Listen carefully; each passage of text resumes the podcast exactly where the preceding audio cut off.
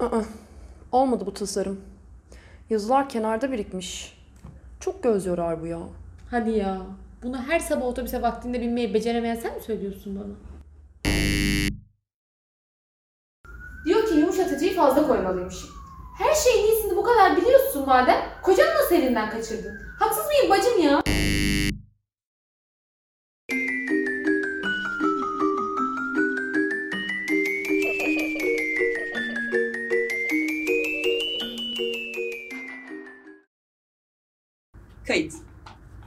Evet, Safsata Ekspresi birinci bölüm.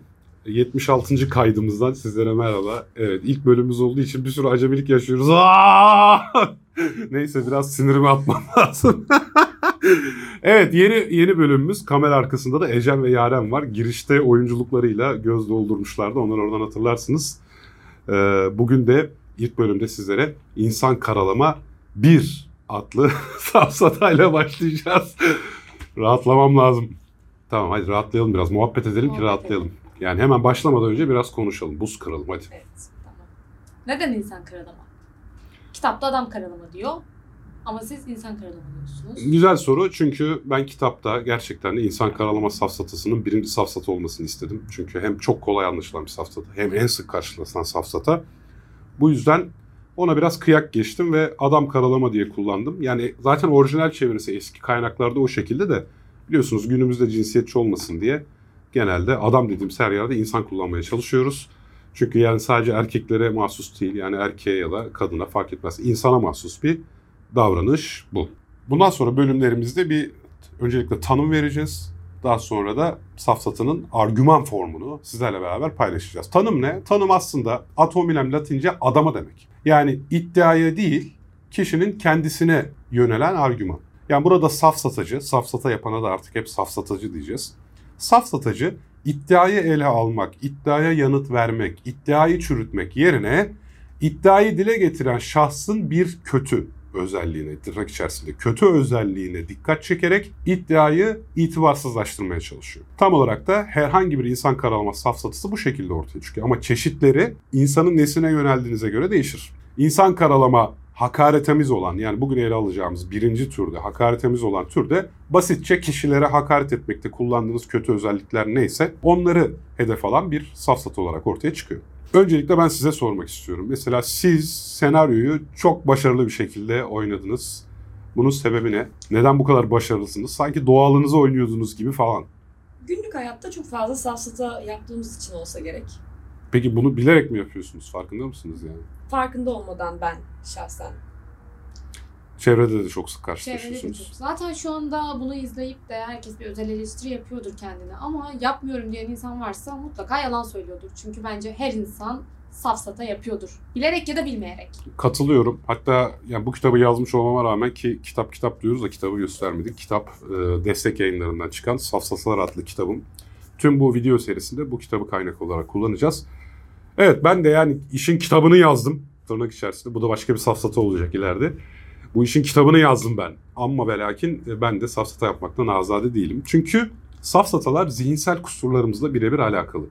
Zaten benim kitabımı diğer yurt dışı ve yurt içi safsata kitaplarından ayıran en önemli özellik bunların zihinsel kusurlarımızla olan ilişkisini kuruyor olmam. Yani bu safsatanın etkili olması hem kendi düşünsel hatalarımızla kendi kendimize etkili olması hem de izleyici önünde etkili olmasının sebebi tamamen psikolojik. Mesela şeytan etkisi adını verdiğimiz bir zihinsel kısa yola karşılık geliyor. Şimdi ben şeytan etkisinin tanımını yapmadan önce size bir soru sormak istiyorum. Mesela diyelim ki bir komşunuz var. Bu komşunuz bir türlü araç park etmeyi başaramıyor. Yani her gördüğünüzde işte ya kaldırıma çıkıyor ya işte çöp kovasına çarpıyor ya işte arabasını sürtüyor falan filan böyle rezalet, beceriksiz yani. Peki o komşunuzun Nobel ödülü adayı olan bir bilim insanı olduğunu öğrenseniz şaşırır mısınız?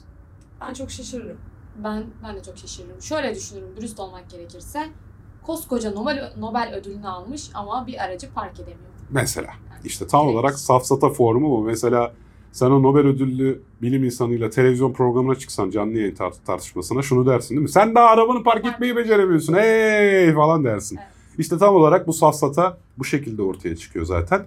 Çünkü bizler bir insanın kötü özelliğini onun geneline yayma eğilimindeyiz. Yani o yüzden mesela bir katilin aslında çok iyi bir felsefeci olduğunu, felsefe kitapları yazdığını duysanız şaşırıyorsunuz. Halbuki insan öldürme gibi bir güdüyle, yani insan öldürmüş olmakla felsefe yapabilmek arasında bağlantı yok. Ya da araç kullanma becerisiyle kimyagerlik arasında bir bağlantı da yok. Tıpkı sizin örneklerinizde yumuşatıcı koymakla tırnak içerisinde kocayı elden kaçırmamak ya da her sabah otobüse vaktinde binmekle bir tasarım gözüne sahip olmak, bir zevkine sahip olmak, tasarım prensiplerini bilmek arasında bir bağlantı olmadığı gibi. Ve bunun tersi de mümkün bu arada. Tabii hale etkisi. Ondan da daha sonra yeri geldiğinde bahsederiz. Hale etkisi de şöyle bir insanın iyi olmasını, bir konuda iyi olmasını onu geneline yaymakla alakalı. Yani bir konuda iyiyse onu her konuda iyi zannetmek gibi. Aslında hani yakıştıramamak dediğimiz tırnak içerisinde o mevzu. Mesela bu ülkede çok insan kendisi itiraf edene kadar ismi lazım değil bir yazarın alkol alıp yüksek hız yapıp bir aileyi ortadan kaldırması ve daha sonra hatta bunu bir süre için arkadaşının üstlenmesi için onu yalan söylemeye teşvik etmesi konusuna inanamadılar yani konduramadılar falan. Biraz zihnimiz böyle çalışıyor. Yani birilerini etiketliyoruz iyi ya da kötü diye ve daha sonra onun her konuda iyi olduğu ya da her konuda kötü olduğu yönünde bir düşünme eğilimimiz oluyor. Bir de bu iş dış görünüşle de alakalı. Otobüs deneyleri falan var hiç izlediniz mi? Otobüse üstü başı kötü olan birisi bindiği zaman e, işte ya benim akbilim yok binebilir miyim dediği zaman şoför izin vermiyor ama mesela takım elbiseli birisi. Bu arada Türkiye'de değil akbil dediğime bakmayın hani yurt dışında yapılan deneyler. Ama Türkiye'de de benzerinin yaşanabileceğine Aynen. hepimiz çok eminiz yani. Sizde de oluyor mu peki bir insanı gerçekten ilk intiba hani Arada ben yapıyorum yani ne yalan söyleyeyim. Dış görünüşüyle önce bir ön yargı yapıyorum ardından ön yargılı olmamak lazım diye de düşünüyorum kendimce. Ama şimdi mesela dış görünüşüne bakıp atıyorum tamamen alakasız bir konuda söylediklerini dikkate almamak gibi bir şey oluyor. Mesela bir bir doktora gitseniz, doktorun dış görünüşü çok kötü olsa, önlüğü pis olsa, hatta önlük yırtık pırtık falan olsa doktora olan güveniniz azalır mı? Asla. Azalmaz mı? Yok. Görüntü. Senin? Ben emin olamadım diye. Bilmiyorum ya. Ben kendimi bu konuda çok frenlemeye çalışıyorum. Asla dış görünüşle yargılamamam gerekiyor diye ama yaptığımı fark ettim. Ama bahsettiğim şey biraz daha başka. Benim azalır. Yani mesela işte hijyene dikkat, için. doktordan hijyene Evet. dikkat etmesini bekleyeceğim için hani daha kendi hijyenine dikkat edemiyorsa belki elini de yıkamıyordur. Şimdi beni muayene Evet, edecek falan diye düşünüyorum. Burada biraz daha muayene man- mantıklı bir bağ var sanki. Ben mesleki açıdan değil de karakteristik olarak genelde yargılayabiliyorum. Ama mesela ağzını aç deyip eldiven giymeden ağzına Oo. parmağını falan soksa. Tabii orada hijyen de devreye girer yani. Kötü. yani veya işte uçağa bindiniz. Pilota baktınız. Pilotun pantolonu yırtık. Şapkası Evet. işte şey olmuş. Tüy ermiş. e, Kravatına çamaşır suyu değmiş falan. Mesela Direkt- o Nobel ödülü gibi. Derim ki bu pilot nasıl indirecek bu uçağı? Aslında bak burada da iki olay arasında hiçbir bağlantı yok değil mi? Evet. Kişinin Şimdi doktorda biraz alaka var. Hani hijyen sonuç itibariyle hijyen sağlıkla alakalıdır. Steril olmak, hastaneyi steril ediyorsun. Burada sterilizasyona aykırı bir şey var falan. Pilotta yok. Ama pilotta yok ama güven hani orada da şöyle bir ilişki mi kuruyoruz acaba? Hani şimdi uçak kullanmak da her şeyi zamanında yapmak, disiplinli olmakla falan alakalı değil mi? Ama çamaşır üstüne başına dikkat etmek, çamaşır yıkamak da öyle. Hani lan disiplinsiz adam şimdi checklist uygulamış mıdır falan. hani insanın aklına öyle gelir değil mi? Kaçınılmaz olarak. Yani alaka kurabiliyorsak safsata değil gibi. Hatta ben bunu sizden sormanızı beklerdim. Ama ben konuya sizden erken girdim. Sizinle alakası yok bu kez. Mesela 10 tane şirket batırmış adam bize gelse ya bir dakika ya siz hiç iş yapmayı bilmiyorsunuzdur ben size öğreteyim falan dese ya kardeş Sen 10 tane şirket batırmışsın. yani kusura bakma da yani sen anlatsaydın. o şirket batırmışsın gelip bir de bize akıl verme diyebiliriz. Ama örnek veriyorum arabasını park edemeyen birisi gelip ya bir dakika pazarlama konusunda yanlış düşünüyorsunuz. Bakın pazarlama trendleri şöyle dese sen daha araba park edemiyorsun dersek safsatı olur. Çünkü bu konular arasında hiçbir bağlantı yok. Mantıksal bir ilişki kuramıyoruz yani.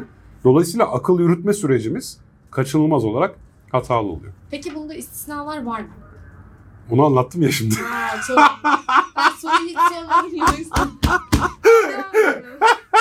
Peki nasıl savunabiliriz? Neyi? Bu istisnai durumları ya da safsataları. İsrail durumları savunmuyoruz. Safs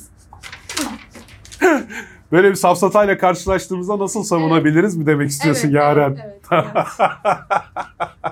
Tamam peki böyle bir safsatayla karşılaştığımızda yani karşımızdaki insan aklı bali bir insansa bunu bilinçsizce yapıyorsa iki olay arasındaki ilişkiyi sorgulatmak işe yarayabilir. Hani kardeş bir düşün bakalım. Sence işte yumuşatıcı miktarıyla kocayı tırnak içerisinde söylüyorum yine tepki görmeyelim. Kocayı elde tutmak arasındaki bağlantıyı bana bir açıklar mısın falan deyince çok zor ihtimal ama karşımızdaki kişi ya evet haklısın aslında ikisi arasında bağlantı yok falan demesi lazım da bunu diyebilecek kişi hele sosyal medyada falan bunu diyebilecek kişi sayısı bir elin parmaklarını geçmez. İşte biri ben. Evet. İşte o kadar hatta bir kişiyim galiba. Diğeri de Yok bunu kolay kolay kimse söylemez. Üçü ben de dahil. Üçü de ben. Hepsi benim. İkincisi bu tartışma izleyici nezdinde gerçekleşiyorsa karşımızdaki insan zaten safsatayı muhtemelen kötü niyetle yapıyordur. Hani bu ilişkiyi sorgulatmak izleyiciye de sorgulattığı için yararlı olabilir. Doğru söylüyor lan adam ne alaka falan. Hatta ben bir konferansta en iyi safsata ayırıcının şey olduğunu söylemiştim. Ne alakası var ya? Ne alakası var ya dediğiniz zaman hem bir safsatayla karşı karşıya olduğumuzu anlıyoruz. Hem de karşımızdaki kişi bu soruya haliyle cevap veremiyor. Çünkü gerçekten iki mesele arasında bağlantı yok. Öyle yani artık ne diyorsunuz ilk bölüm hakkında? Görüşlerinizi alalım. Başardık. Başardık mı acaba? Şimdi Ben- belki de montajda sesin kaydolmadığı Ses ortaya çıkar. İşte. Yok işte arkada gölge varmış meğer falan. Böyle bir şey Öyle- olursa da artık, artık- ilk bölümü yükleyeceğiz. Evet, ilk böyle- bölüm için bizim maruz görün. Görün. Konuşamıyorum artık. Düşünün. Olur orada. Hep, hep hepimizde bir şeylik var şu an. Standart uyarılarımız neler bizim? Birincisi hepiniz biliyorsunuz ki abone olmayı unutmuyoruz. Bir abone olmak. İki beğenmek. iki beğenmek. Burada çok büyük emekler yatıyor çünkü. Ne Siz of of ya evet yani gerçekten. Üçüncüsü de Üçüncüsü de zil, bildirim ne varsa açıyoruz ki videolarımızı yayınlar yayınlamaz sizin ana sayfanıza düşsün ve hemen bizleri izleyin. Neyse artık bunları benim söylememe gerek kalmadı. Hoşçakalın. ya kafasına ayıcıklı toka takmış gelmiş bize burada program hakkında tavsiyeler veriyor ya. Görüyorsun işte.